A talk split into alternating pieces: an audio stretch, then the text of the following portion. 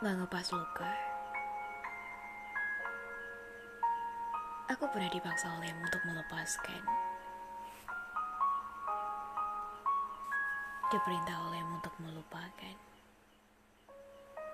Memaksa kau berhenti ketika aku masih terlalu sayang.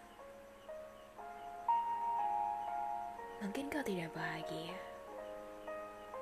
Mungkin melepasku mengartikan kau telah menemukan bahagia. Namun, apakah kau bisa merasa bahagia juga? Layaknya mengupas luka yang sudah telanjur kering. Bahagiamu sekarang dengan sesalnya terasa seperti luka baru di hatiku. Tidak ada kebahagiaan dalam hati.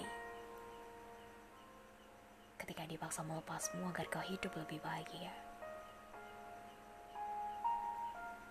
Jika ada keterlukaan yang paling menyakitkan, itu adalah keterlukaan ditikam oleh perasaan bahwa aku dilukakan oleh orang yang sampai sekarang pun masih aku sayang.